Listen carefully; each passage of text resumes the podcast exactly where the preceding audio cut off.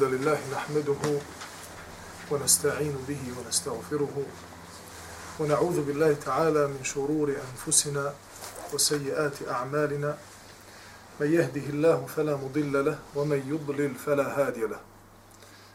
وأشهد أن لا إله إلا الله وحده لا شريك له وأشهد أن محمدا عبده ورسوله. ثم أما بعد فإن أصدق الحديث كتاب الله. وخير الهدي هدي محمد صلى الله عليه وعلى آله وسلم وشر الأمور محدثاتها وكل محدثة بدعة وكل بدعة ضلالة ثم أما بعد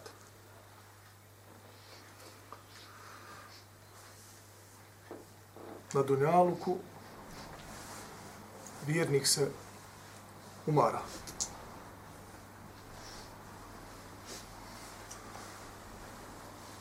Shodno tome njegov umor biva kako ovo dunjalučkim iskušenjima, tako i samom boravku na ovome svijetu. Jer je sallallahu alaihi wasallam rekao et dunija siđnul mu'min. Dunjaluk je zatvor vjernika. Je zatvor za vjernika. Tako da mu'minska duša se umara od ovoga svijeta i žudi za ahiretom i žudi za onim što mu je Allah te barake wa ta'ala obećao. I taj umor putujući Allahu subhanahu wa ta'ala traži od nas da se ponekada odmorimo, još na dunjaluku. Jer svaki putnik mora odmoriti, mora naći sebi hladovinu. Jer je sunce jako, a put je dug. Znao bi čak jedan moj šeh govor svojoj djeci za sofrom, da im otvori apetit, kaže, djeco, jedite puno jer je put dug. Kao sakupite snage. I zaista dug je put i nije lahak. Jer u vjerozostanom hadisu se nalazi da je Allah subhanahu wa ta'ala kada je stvorio džennet, pogledavši ga Melek Džibril i njegove ljepote i njegova prostranstva i sve ono što je Allah pripremio za džanetlije, kaže, ne znam da ima jedan rob koji će čuti za ovo, a da neće poželjet i krenut putem ka džanetu. To jeste, neće biti nijedan insan na ovome svijetu koji će čuti za džanet i njegove ljepote i njegove draži, i njegovu vječnost, a da neće reći, pa bolan, čečeš bolan putem džehennema i zablude, hajde u vam, džami. Kada Allah subhanahu wa ta'ala prekrio džennet iskušenjima koje čekaju ljude na ovome svijetu tokom njihovog života, Džibril se zapitao da li će iko moći da dospije do dženeta. Što znači da ovaj svijet, ovaj dunjaluk, kao što je opisano u Kur'an i Kerimu, tek iskušenje, a ne vječna kuća boravka. Pa na taj način vjernik svata dunjaluk i prilazi mu s te strane. Jedno od od marališta i hladova koje vjernik rado posjećuje i odmara na njima tokom svoga putovanja ka ahiretu jeste, braćo moja, slušanje o džennetu i njegovim užicima. Slušanje kuranskih ajeta i hadisa Allahov poslanika, sallallahu alaihi wasallame, koji govore o džennetu, njegovim užicima, ljepotama i svemu onome što je Allah pripremio za vjernik.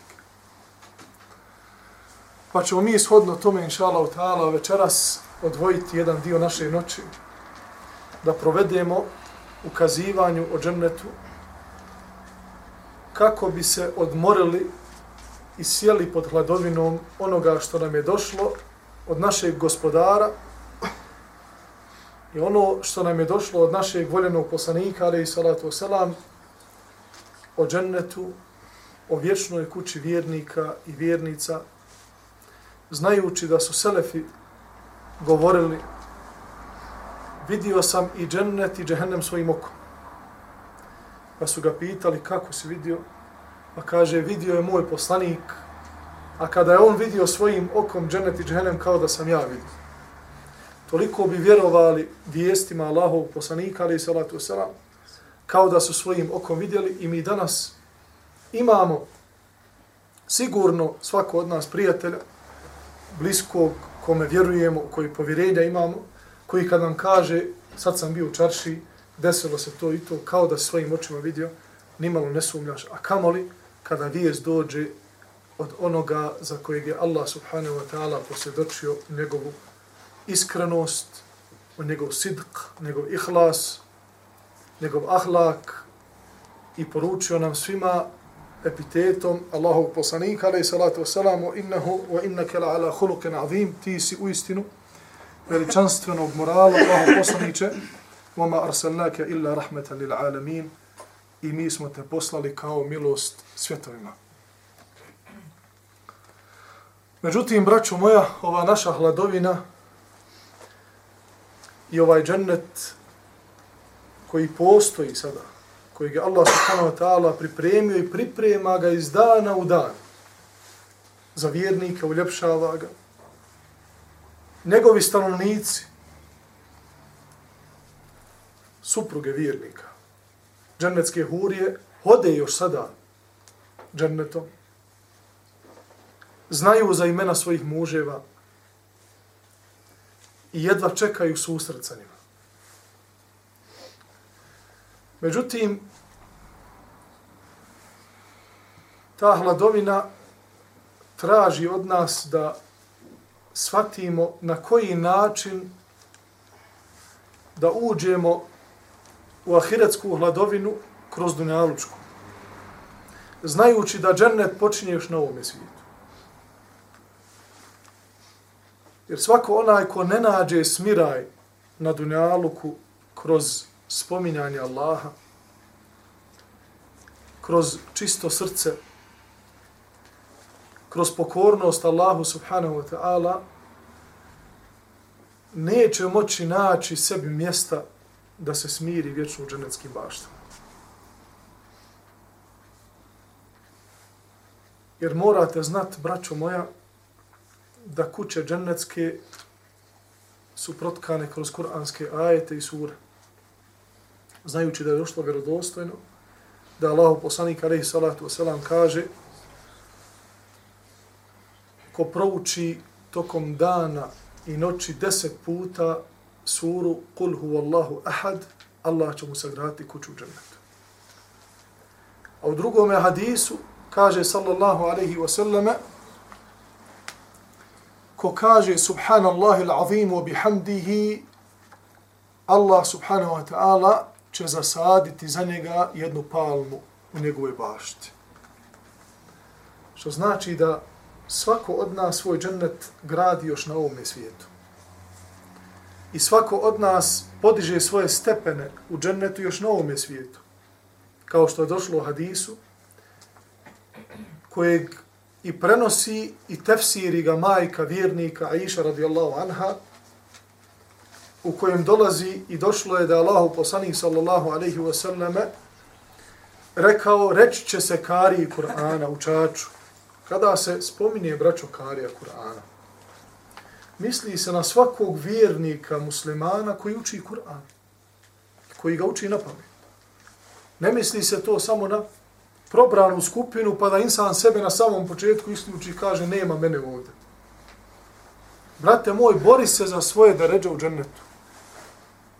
Ti si taj koji ćeš se izboriti kad naučiš što više kuranskih ajeta na pamet. Bićeš prozvan kao i svi ostali, na sudnjemu danu i reći će ti se, uči, kao što si učio na Dunjaluku i penji se. zadnje mjesto i zadnja deređa u tvome džennetu će biti kod zadnjeg ajeta kojeg znaš na pamet. Pa shodno tome je rekla majka vjernika, a iša radijallahu anha, u istinu džennet ima deređa stepena koliko ima kuranski ajeta. Pa sve što više znaš Kur'ana na pamet, sve inša Allah ta'ala veća indicija i šansa da budeš na što većim deređama prema džennetu firdeusu. Tako da onaj ko je, ko zna i ko spozna gdje se gradi džennet, neće trošiti vrijeme uzavut. Neće mu nikada biti dosadno. I bit će sretan kada nađe slobodnog vremena od svakodnevnih obaveza, gdje će moći da zasadi palme, gdje će moći da sagradi sebi kuću i gdje će moći da uljepša svoje džennetske bašte. Tako razmišlja jedan vjernik. Također, ima jedan moment kada vjernici prijeđu preko siracu prije. I kada se spase džehennemske vatre. I kada budu sigurni da između njih i ulaska u džennet postoji sam otvaranje vrata. I izun od Allaha subhanahu wa ta'ala nakon zauzimanje Allahov poslanika Muhammeda sallallahu alaihi wa sallam da se otvore širom džennetska vrata džennetlijama pojedini vjernici će biti zaustavljeni. Znate li zbog čega? Biće zaustavljeni na mjestu koje se naziva Kantara. Kantara je arapska riječ koja je kroz turcizam došla u Bosnu i Hercegovinu, gdje stari ljudi su vagu nazivali Kantaru. To jeste na tom mjestu će vjernici da vagaju i da se halale. Svaka zamjerka, svaka stvar koja, za koju treba tražiti halala, ako se to nije obavilo na dunjaluku, bit će na stranu sklonjeni, sve dok ne riješe međusobno i tek nakon toga čistih prsa ulaze u džennet. Jer ne može prljava u duša ući u vječno boravište koje Allah pripremio za čiste vjernike.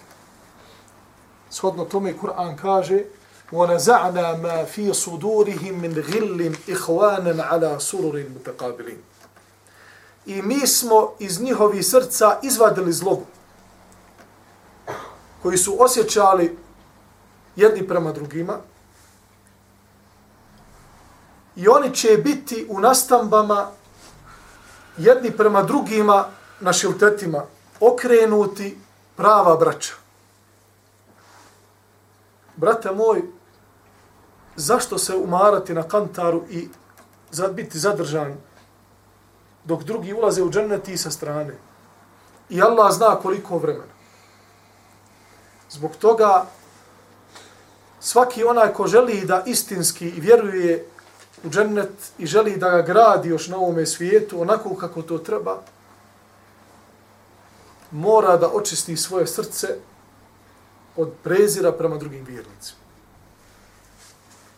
Jer u istinu, kao što je došlo u hadisu, ima jedan komad, jedan organ u tijelu čovjeka. I da salahat, salahal džesedu kullu ako je on ispravan, ako je zdrav, cijelo tijelo je zdravo. A nije jetra u pitanju. وَإِذَا فَسَدَتْ فَسَدَ الْجَسَدُ كُلُّهُ Ako je on neispravan, ako je on lošeg stanja, ako je on bolestan, ako mu stalo šalje negativne signale, pa da ružno razmišlja o drugim vjernicima, فَسَدَ الْجَسَدُ كُلُّهُ svi ostali organi ne valjaju. Zašto? Jer će ga taj komad, taj organ, ta mudga, kao što je došla u hadisu, sprečavati da čini hajir i dobro. Jer čovjek koji je zapošljen drugim ljudima, slabo razmišlja o sebi. čovjek ko, koji razmišlja o drugim ljudima, jesu li oni dobri ili nisu, puno se petlja u njihove džennete. A ovo kaže, vidi, kod komši ograde. A ništa mu ne valja. A on nema ograde nikako. Pa dobro, tvoj komši ima makar drvenu. Ovu kapija mu je loša, kad čuj kako škripi kad se otvara. A on još nije ogradio svoje. Pa mu ne valja ono, pa stotinu komentara. Kaže, pogledaj se ona, kaže, zgrada, zgrada onaj ukrivila. On je jadnik pod kirijom. Pa brini se o svom, o svom džennetu. Čovjek koji je čistoga srca počinje da razmišlja pozitivno. Ima nade da će nur ovog govora kuransko-hadijskih kazivanja o džennetima doći do njegovog srca, pa će on istinski se početi da trudi. Međutim, srce koje je zaprljano sta raznim bolestima, teško je do njega da dođe nur svjetlo islama. Teško.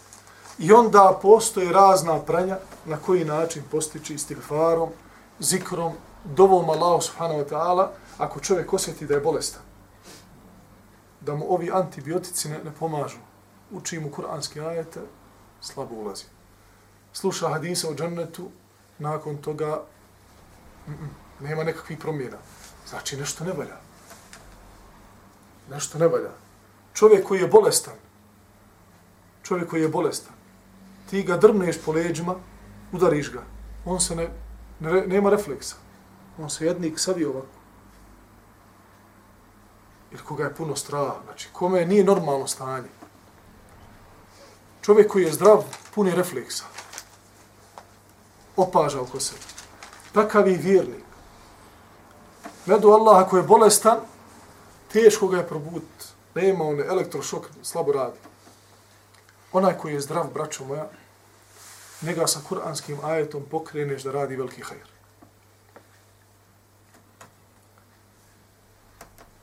Od Usame ibn Zejda se prenosi da je poslanik sallallahu alaihi wa sallam rekao Ela hel min mušemmirin lil dženne.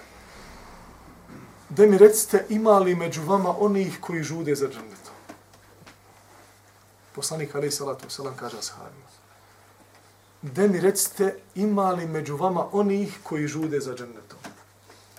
Onda u dužem hadisu opisuje sallallahu alaihi wa sallam ljepote dženneta, hoće da im kaže, o ljudi, trudite se, vrijeme prolazi, vrijeme prolazi. I u istinu te generacije su prošle, došle su nove. Jednoga dana će samo biti spomen na nas.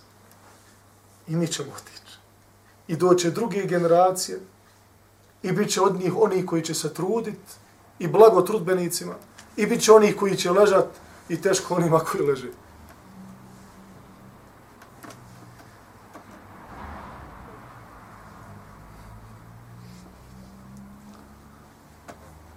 Kaže Allah subhanahu wa ta'ala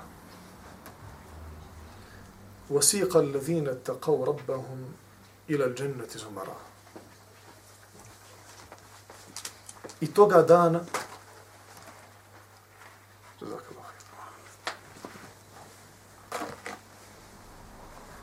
vjernici će biti povedeni ka džennetima u skupinama. Hatta ida ja'uha wa futihat abwabuha. I kada dođu pred džennetska vrata, ona će se otvoriti. I ovo je jedno braćo od kuranskih ljepota je u dva kuranska ajeta. Allah kada govori o džen, džehennemu i džehennemskoj skupini i odvođenju ljudi ka džehennemu i ispraćanju vjernika ka džennetskim kapijama, kada je došlo kod stanovnika džehennema i njihov odlazak ka džehennemu, hatta idha ja'uha futihat abwabuha. Kaže Allah kad dođu kad krenu ka džehennemu ili kad dođu pred njega već njegova vrata će biti otvorena. Zbog čega? Kaže još da iz daleka džehennemlije osjete žestinu vatre pa da budu u strahu i u patnji još prije nego što uđu u džehennem. A kada se govori o džennetu i o vjernicima koji će biti ispraćeni prema džennetskim kapijama, kaže hatta idha ja'uha wa futihat. Ovo ve, wow, nema kod prvog ajeta. Zašto? Jer kaže Allah i kada dođu pred džennetske kapije, tada će se otvoriti kapije. Iznenađenje. Jer svako od nas kad hoće najmilije da obraduje, zapakuje to. Tako. I ne da mu da sazna šta je u njemu sve dok ne bude pred njim. I dok ne dođe trenutak kada on treba to da otvori. Pa da to bude potpuno iznenađenje. Tako je Allah subhanahu wa ta'ala je pripremio za vjernika tolika iznenađenja da o tim iznenađenjima Allahu poslanik sallallahu alaihi wa sallam kaže i govori iako je bio u džennetu kaže u džennetu ima ono što oko nije vidjelo i ono što uho nikad či, čulo nije i ono što nikad nije moglo niti će moći čovjeku na, u razum pas. Nećeš nikad moći zamisliti koliko god razmišljao šta li ima se u džennetu. Pa ima ovo, ima ono. Nabroj milion stvari nećeš moći pogoditi sve ono što je Allah pripremio za vjernike i više od toga.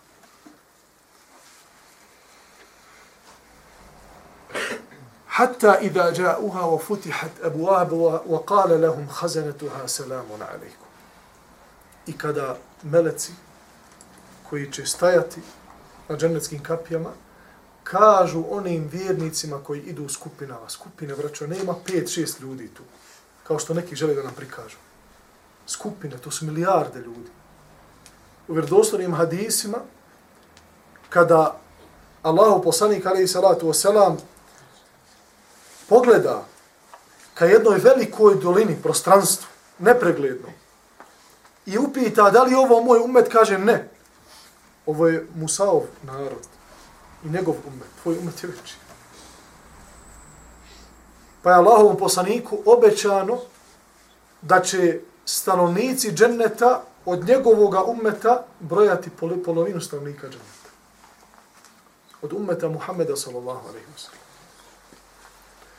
وَسِيقَ الَّذِينَ اتَّقَوْ رَبَّهُمْ إِلَى الْجَنَّةِ زُمَرًا I kada budu ispraćani oni koji su se Allaha bojali ka džennetskim kapijama, u skupinama, obara teoriju oni koji smatraju da je samo nekoliko muehida i bogobojazni na ovome svijetu. Ha. Sura Zumer obara tu teoriju. Zašto? Zato što je previše puno vjernika, maša Allah. Puno će ljudi, braćo, biti u džennetu. Nemojte misliti samo da fulan i par njegovih kolega, to je na istini, mimo toga sve u zabludi. To se kosi, braćo moja, sa vjerodostojnim hadisima. Slažem se da umetu ima vehna, ima slabost, koju treba liječiti. Umet se razbolijeva. Ali da li je umet ikada umro? Nije tako mi Allah. Umet nikada nije umro.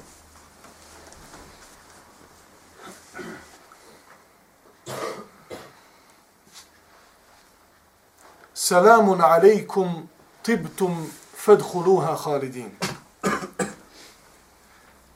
Nazvaće im selam.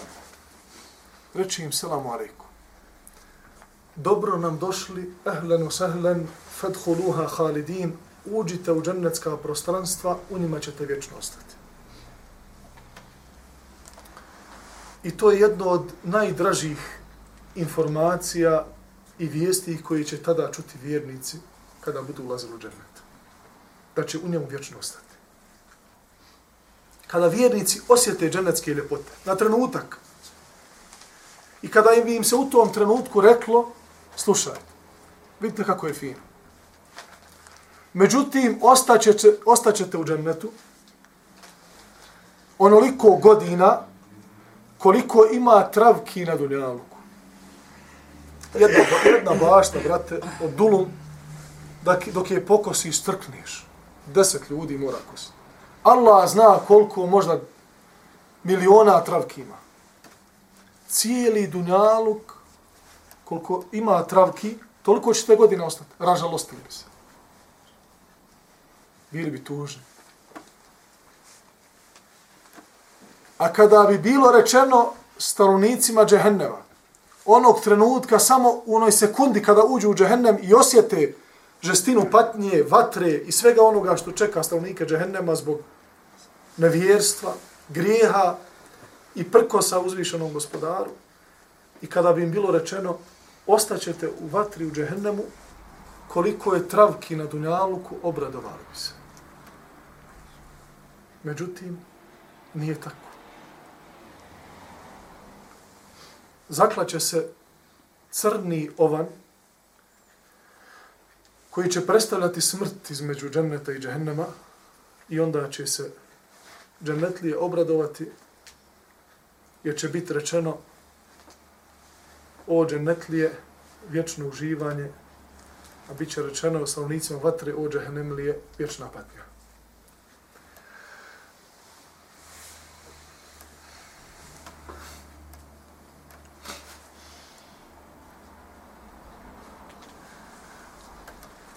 Džennet, kao što je došlo u vjerodostojnom hadisu, u kome poslanik sallallahu alaihi wa sallame kaže od Sehla ibn Sa'ada, a hadis je u Buhari i Muslimu, Džennet ima osmera vrata. Neka od tih vrata su spomenuta u hadisima, A neka od tih vrata su islamski učenjaci shodno drugim hadisima i analogiji zaključili kako se zovu. Tako da imamo vrata onih koji su se istinski oslonili na Allah.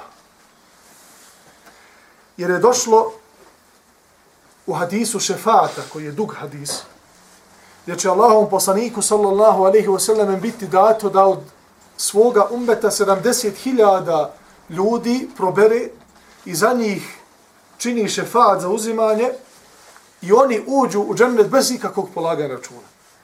Izdvoji ih Allahu poslanih sallallahu alaihi wa sallam i kaže ehlen osehlen bujrum, ništa, ni sud, ni dan, ni patnja, ni razgovor sa Allahom, ni, ništa od toga. Džennet, odmah, direktno karta, ulazak ti 70.000 ući će na jedna vrata koja se zovu vrata Tevekula. Vrata Tevekula.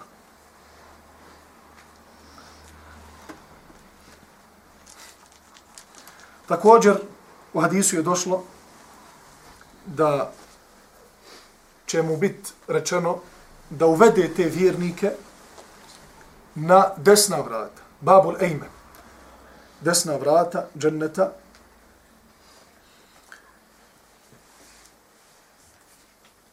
A također došlo je u hadisu da je Allahu poslanik sallallahu alejhi ve sellem od Sehla ibn Sa'da inna fil jannati baban yuqalu laha ar-rayyan. U džennetu imaju vrata kapija koja se zovu Rayyan. To su braćo vrata postača. Poznat hadis da će na sudnjemu danu biti prozvati postači i reći će im se o postači ustajte i hajte. I onda će oni krenuti i ući na ta vrata koja će se tog momenta otvoriti. Kada zadnji postač uđe na ta vrata, ona će se zatvoriti i nikada se nakon toga više neće otvoriti. Na ta vrata će ući postači i niko mimo njih neće ući na ta vrata. Hadis je kod Buhari muslima. Također, braćo, braćo moja, imamo vrata namaza. Vrata namaza je svako onaj koji je čuvao svoj namaz. Ući će u džennet. I zbog toga je došlo vjerodostojno da je poslanik sallallahu alaihi wa sallame savjetovao ashabe i ummet svoj da povećaju na file. Da stalno klanjaju neobavezne namaze dobrovoljne namaze. Zašto? Zato što će na sudnjemu danu dobrovoljni namaz doći kao dopuna za farz. Kako? Ako mi danas, na primjer, mrsko da klanjam podne i kindiju, spava mi se, prespajem podnu i kindiju, onda sutra naklanjam na fila i to mi se ne ili tako? Nije tako. Da se odmarim. Nego ponekada insan zbog gafleta bude nemaran u svom namazu. Ne, nije ovaj hadis dokaz da čovjeku je dozvoljeno da propusti namaz. I da kaže, e, ako je tako, ako na fila nadopunjuju farze, alhamdulillah. Tamo, kad bude u školi, kad budem s rajom u gradu, pa dođe akšam, a mi tamo sjeli za kolač, ajde, klanješ se ako da ima i na fila, vidiš ovaj hadis je. Ne, nego insan ponekada na svom namazu bude nemaran. Pa taj namaz više izgleda na nekakvu fizičku formu nego na duhovnu. Istezanje donjih leđa, zadnje kvadricepsa, na seždi onaj, istezanje ramena i tako dalje. Šta ima od namaza? Kaže, brate, šta, sam učio, šta si učio na prvom rekiatu? Ne znam. Koliko si puta rekao Subhan Rabbi al-Ala? Pa šta bi iz tog namaza? Motorika. Mozga. On je sklanio jadnik, ne znam ni koliko rekiata, pitaš na kraju, tri ili četiri. Stahfirullah, kar nemam pojma. Allah zna. Ja znam da Allah zna. Pitam tebi. U tom stanju, kada čovjek je u gafletu, i onda je taj namaz, ha,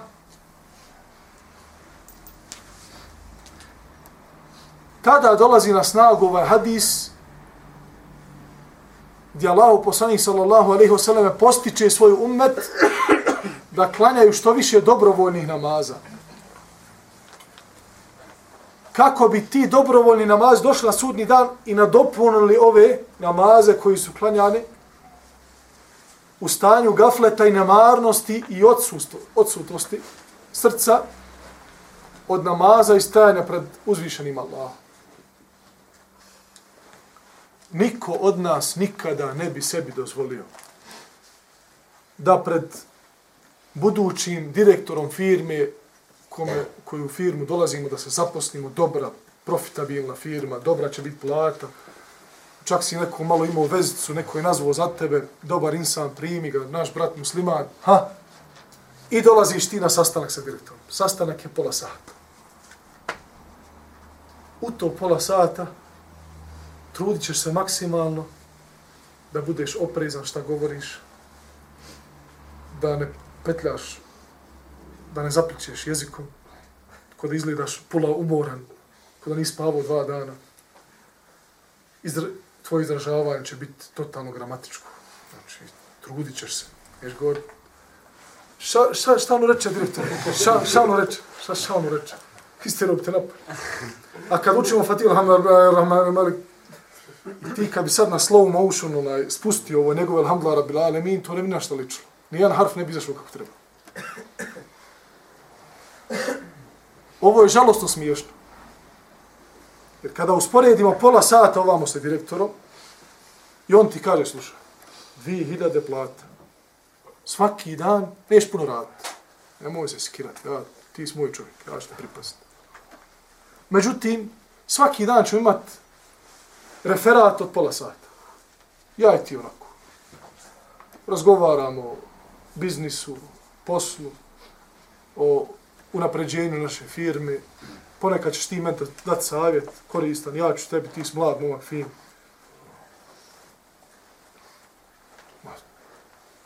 Bio bi najsretniji insan, čuj, kaže, svaki dan svedi sa direktorom firme. Pa bi te to ponijelo vremenom. Drugi radnici ne mogu to. Brate moj, tebi je dozvoljeno, dozvoljeno. Allah te uputio. Allah te uputio svojom milošću, svojim fadlom, da pet puta dnevno razgovaraš sa gospodarom svjetova. Svjetova. Jeste gledali onu vizuelnu usporedbu ko smo mi, koliki smo u ovom kosmosu? Gledali ste većina vas. Jeste vidjeli koliko sunce malo sprem ostali neki zvijezda?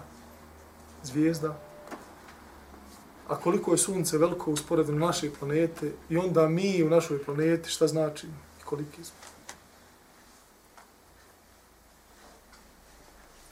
I ne traži se od nas da klanjamo namaz pola sahata. ne traži se.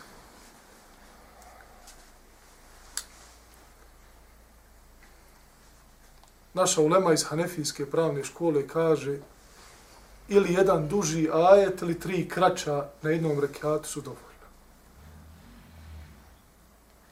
Ili jedan duži ili tri kraća su dovoljno na jednom rekiatu. I Allahu ekber.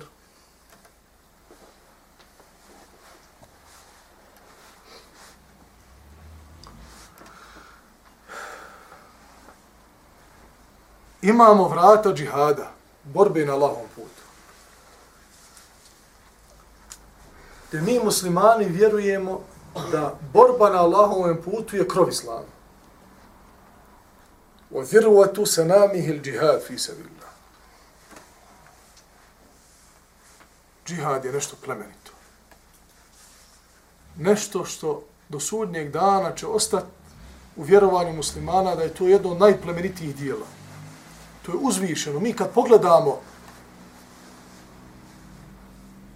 u siru Allahov poslanika i njegov odnos prema džihadu na Allahovom putu, vidjet ćemo da je to puno plemenitosti, puno morala, knjige napisane, braćo moja, u ponašanju muslimana tokom borbe na Allahom putu. Onda kada se gube duše, hoćeš ostati živ ili nećeš? Nije vakat mira, vakat rata.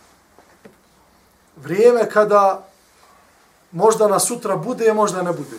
Muslimanu je naređeno da se u tim momentima ponaša shodno učenjima Islama. Nekako on hoće, po svom hiru.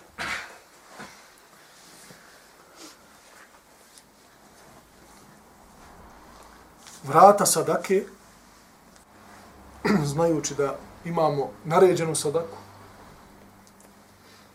kod min emualihim sadakaten, uzmi Allahu poslanić od njih sadaku, to je zekat. Tako da je obaveza stroga svakom muslimanu koji ima dovoljno imetka, koji je dostigao nisab, i taj njegov imeta koji je dostigao stepen nisaba,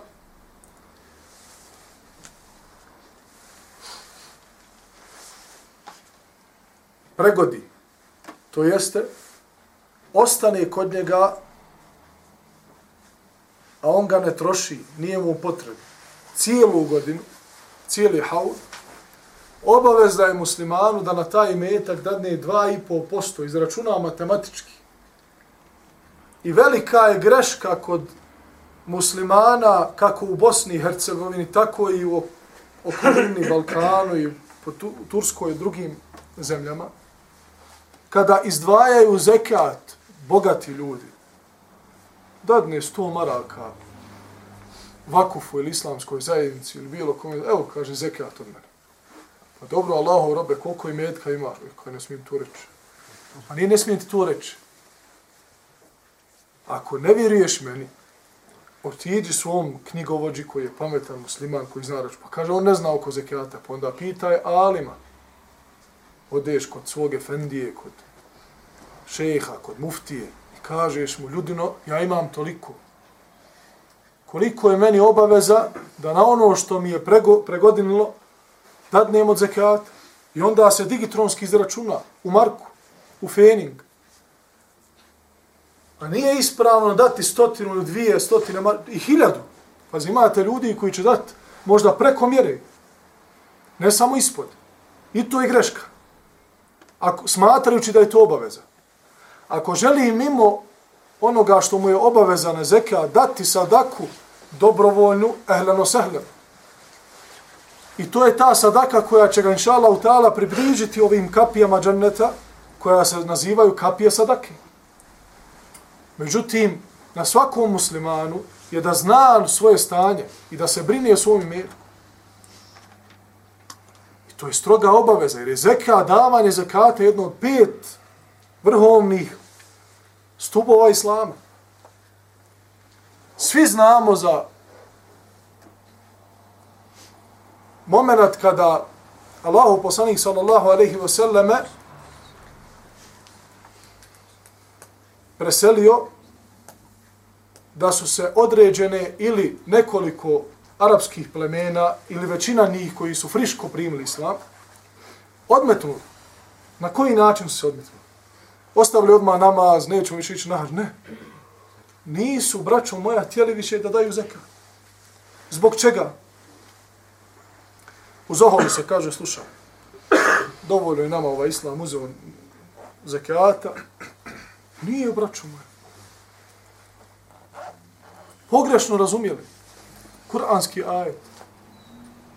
Hudh min amualihim sadaqa. Tutahiruhum biha wa tuzakihim wa salli alaihim. Allahu poslaniće, uzmi od njih zekat. Oni su rekli, poslanik je preselio. Allah njemu naredio da uzme zekat. Kome ćemo sad dati zekat? Nećemo nikom. Dok je bio živ, davali smo.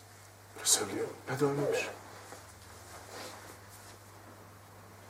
Kaže Ebu Bekr, radi Allah, tako mi Allah, borit ću se protiv njih, sve dok mi ne, ne budu davali čak i onaj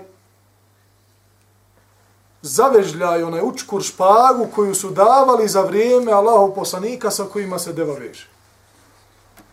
To jest dok se ponovo ne vrate u islam, onaj islam u kome su bili za vrijeme života Božije poslanika Muhammeda sallallahu alaihi wa sallam. Što znači da zekat ima veliku ulogu u životu muslimana.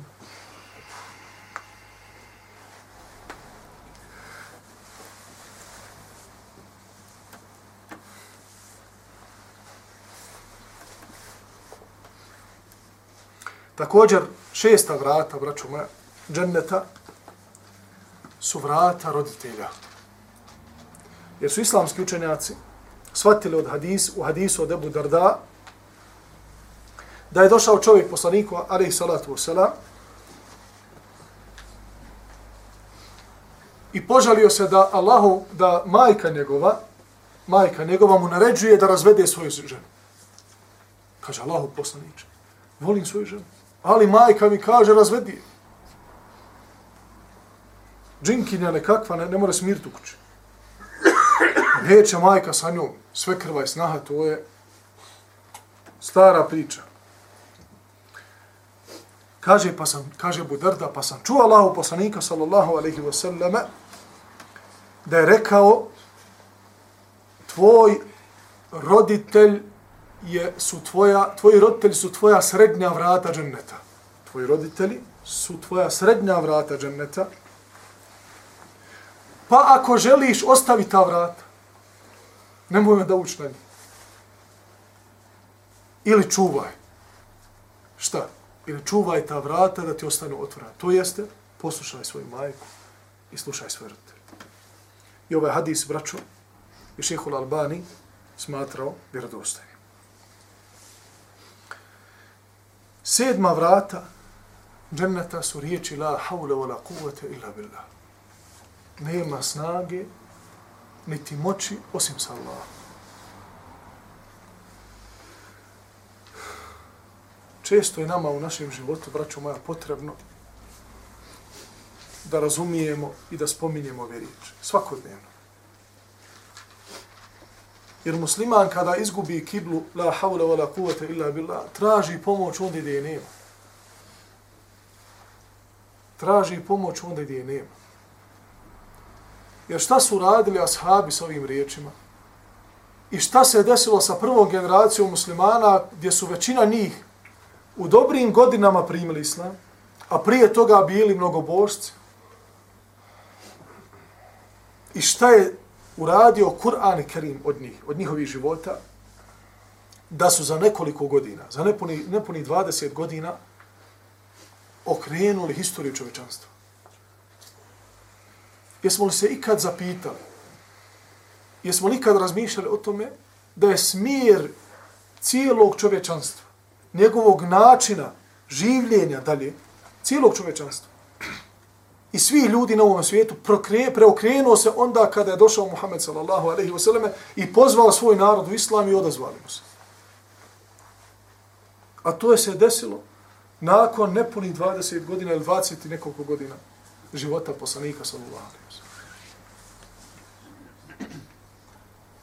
To su uradili sa Kur'anom, to su uradili sa la ilaha illallah muhammed rasulullah i to su uradili sa ispravnim razumijevanjem oslonca na Allaha tevakkula i la havla wa la kuvata illa billah.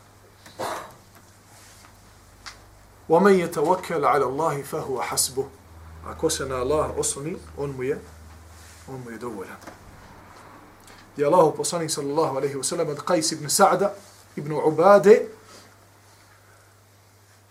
se prenosi da ga je njegov babo dao u službi Allahovom poslaniku sallallahu alejhi ve selleme da mu šta?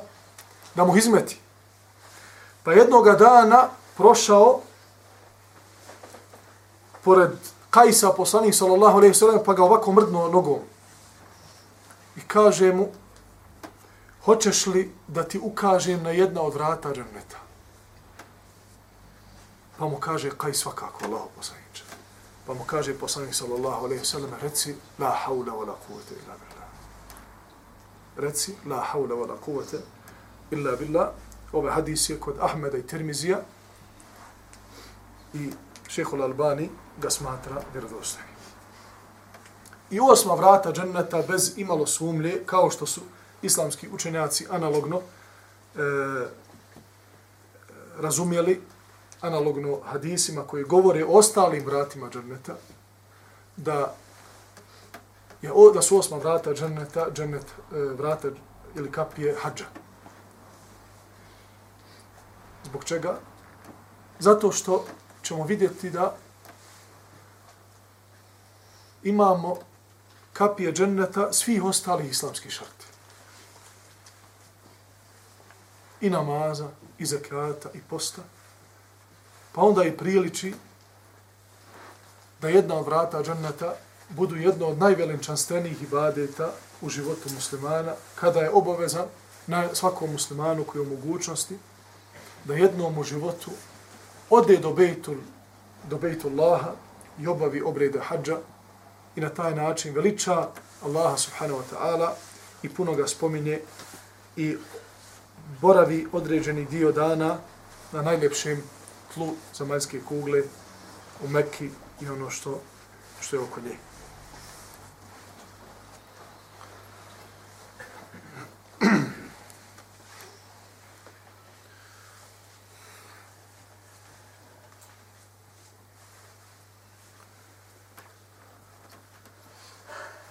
Allahu poslanik alaihi salatu wasalam često braćo moja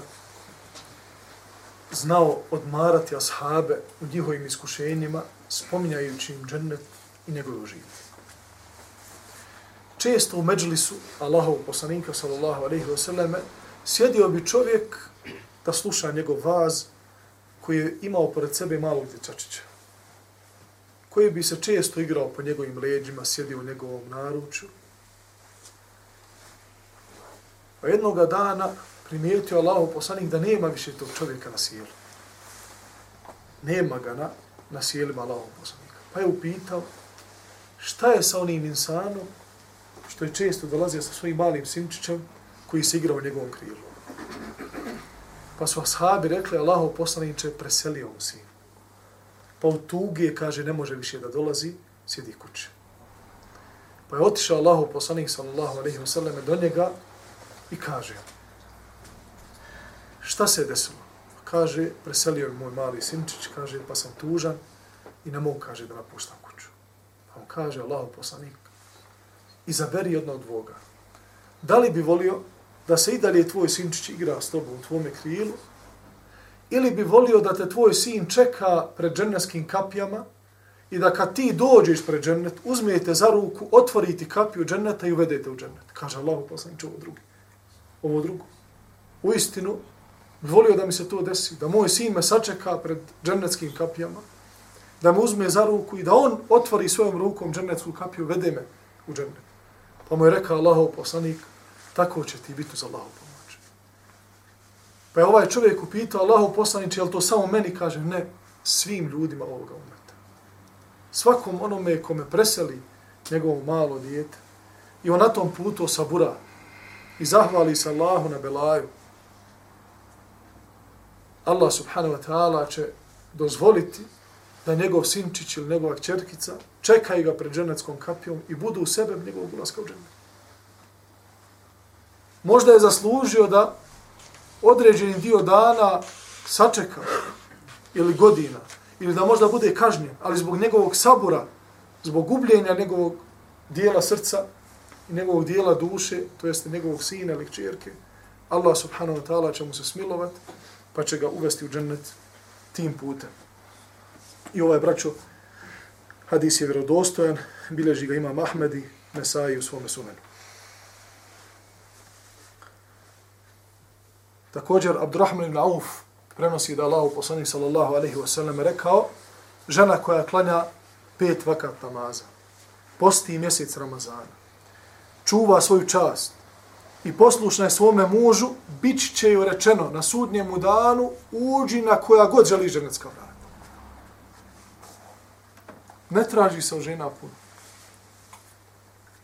Ali žensko ko žensko. Harub ibn Rashid, poznati halifa muslimana, volio je svoju ženu puno.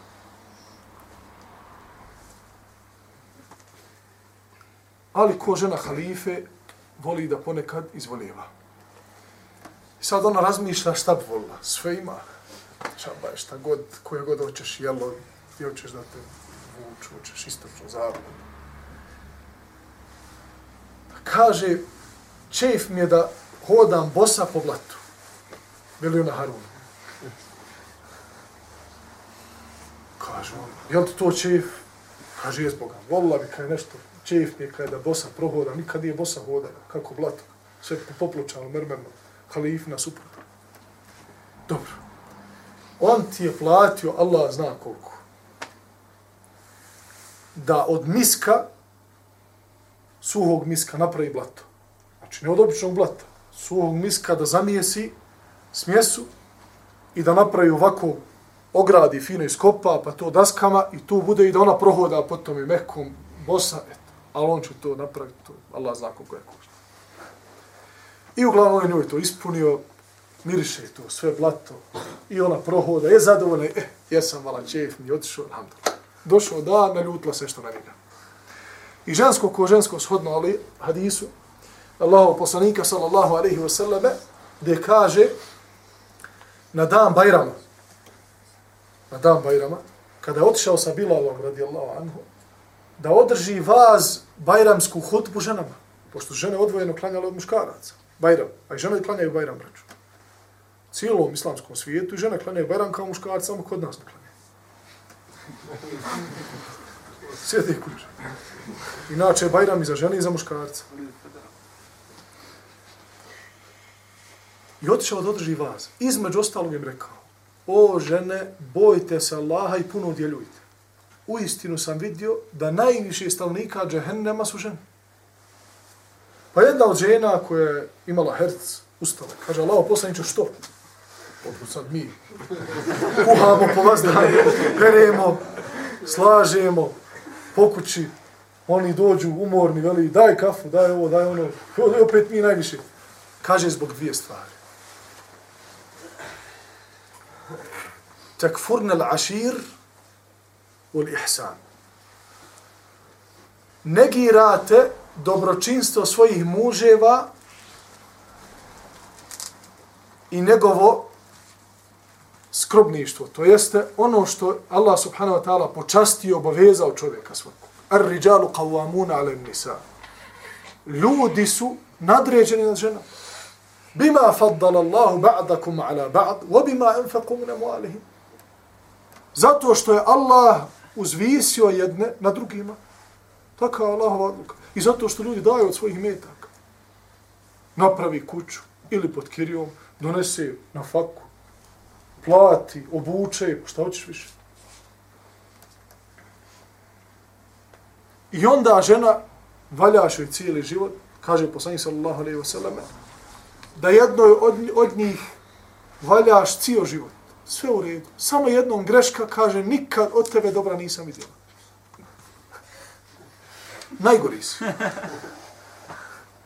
Hadis. Harun ibn Rashida, žena se naljutila jednog dana. I kaže, slušaj, nikad od tebe nikakvu hajra nisam vidio. Kaže, čak ni onaj dan kad sam, kaže, blato pravio. Hatta, wa hatta rijomu tim, čak i onog dana kad si hodala, kaže, bosa poblat, i tad nisam, kaže, hajer, nikakav napravio. Hoće da joj kaže, pa šta sam sve učinio za tebe? A čak si onaj dan kad sam ti mjesuo blato da bi hodala bosa i to se zaboravila. Tako da, žena koja klanja pet vakata namaza, posti mjesec Ramazana, čuva svoju čast. Svoju čast, znači. I pokorna je svome mužu onim stvarima koje Allah subhanahu wa ta'ala dozvolio mužu da može narediti svojoj ženi ili da joj može reći uradi mi to i to i da ona ispuni. Ono što se ne kosi sa normalno sa dine islamu. Ući će ili bit će prozvana na sudnjemu danu i bit će rečeno uđi na bilo koja džennetska vrata koja hoćeš. I ovaj hadis, braćo moja, je kod Ahmeda i šehol Albani kaže da je vjerodostojan.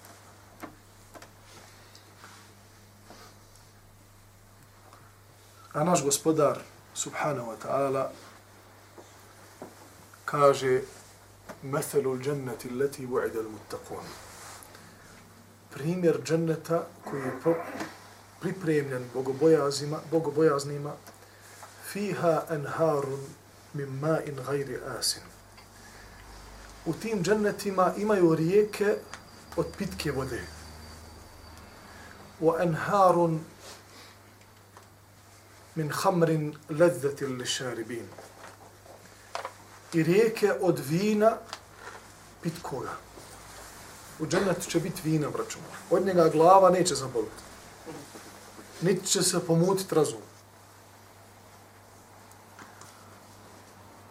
Anharun min lebanin lam yataghayyar ta'muhu. I biće rijeke i rijeke teku od mlijeka koje se neće usirati. Uvijek sočno, lijepo, pitko, bijelo, nikad se zaprljati ne može. U enharun min aselin musaffa i rijeke od procijeđenog meda.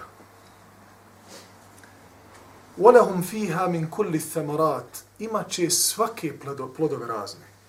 Šta god poželi wa magfiratu min rabbihim. I ono što je najvažnije, braćo moja u džennetu, a to je da će biti im oprošteno od Allaha subhanahu wa ta'ala. I to će biti obećane koje će Allah ispuniti kada stanovnici dženneta uđu u džennet i sjedu zajedno na jednu veliku sofru, doček sofra u džennetu. Kada završe sa jelom i pićem i osjete užitke dženneta, bit će im rečeno, hoćete li nešto bolje od ovoga? Pa kažu, zar ima bolje od ovoga? Pa kaže, sada će vam Allah ispuniti obećanje koje vam je, koje se obavezao da će vam ga ispuniti. Pa će Allah subhanahu wa ta'ala otkriti svoje plemenito lice. Pa će to biti najdraže stanovnicima dženeta. I onda će im Allah reći, ostanite vječno, ja se nikada nakon ovoga dana na vas rasrdit neću. Pa će to biti najdraža vijest i nešto najslađe i najljepše za stanovnike džaneta.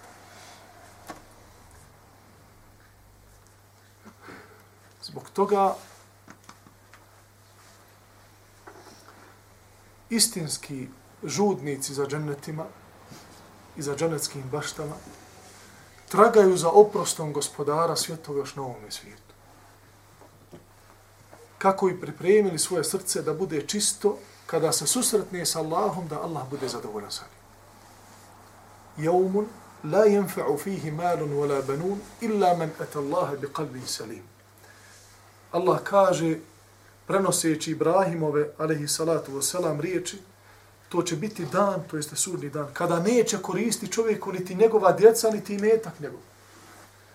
Sem onaj koji dođe čist, čista srca pred Allahom.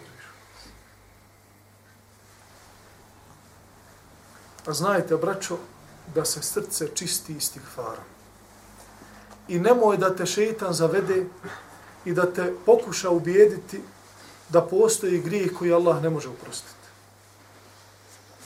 Jer u istinu znaj da je veće od grijeha tvoje ne do Allah mišljenje da Allah taj grijeh ne može oprostiti. Jer kada si učinio grijeh, to je veliko, jer si pogriješio prema uzvišenom stvoritelju. Prema Allahu koji je najveći, koji te stvorio, koji te obskrbio, koji ti je dao i olakšao da čak i taj grijeh možeš učiniti.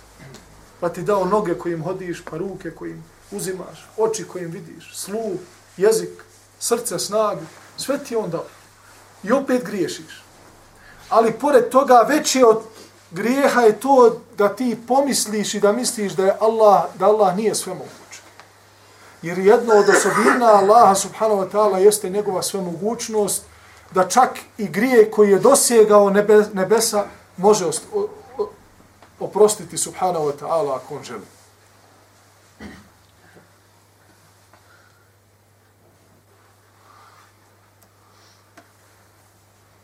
O sina Adamov, traži od mene oprosta, ja ću ti oprostiti. Pa makar tvoj grijeh bio velik koliko dosežu nebeska prostranstva. I kao što kaže Ibn Qayyim rahimahullahu ta'ala, bolji je grijeh koji te vrati Allahu od dobrog dijela koji te uzoholi. Zato nikada nemojte gubiti u Allahovu milost, nadu i nemojte dozvoliti da nakon što se šeitan poigrao s tobom, pa si učini određeni grije, da se ponovo poigra s tobom pa da ti kaže Allah ti neće oprosti, za tebe nema nade, nastavi tim putem jer ti si propao. Nemoj biti poput Iblisa koji kada je učinio grije, nije dozvolio mu njegov pokvareni ponos i njegova oholost da se spusti i ponizi pred Allahom i da kaže gospodar ja sam pogriješio, što ti nisam pokoran bio, ja ću ispraviti svoju grešku, ja se kajem budi poput Adama koji kada je pogriješio, odmah je se vratio svome gospodaru, stideći se Allaha subhanahu wa ta'ala počeo da bježi, da trči. Po jednim od esera od rivajeta, Allah ga pita što bježiš od mene. Znaš da mi uteć ne možeš. Pa kaže ne bježim od tebe, nego me stid. Stid me zbog onoga što sam uradio. Sve si mi dao. Cijela džennetska prostranstva i ja opet za onim plodom. Ali Allahova mudrost je da njegovi potomci budu smješteni na ovaj svijet, na Dunjaluk, i da se tu razmnožavaju i žive i ostanu određeni rok, kako bi jedni od njih ili veća, veća skupina krenuli ka džennetskim baštama, a druga skupina zaslužno i pravedno bila kažnjena zbog toga što se zaboravili na svoga gospodara. قولوا قولي هذا واستغفر الله لي ولكم سبحانك اللهم وبحمدك اشهد ان لا اله الا انت استغفرك واتوب اليك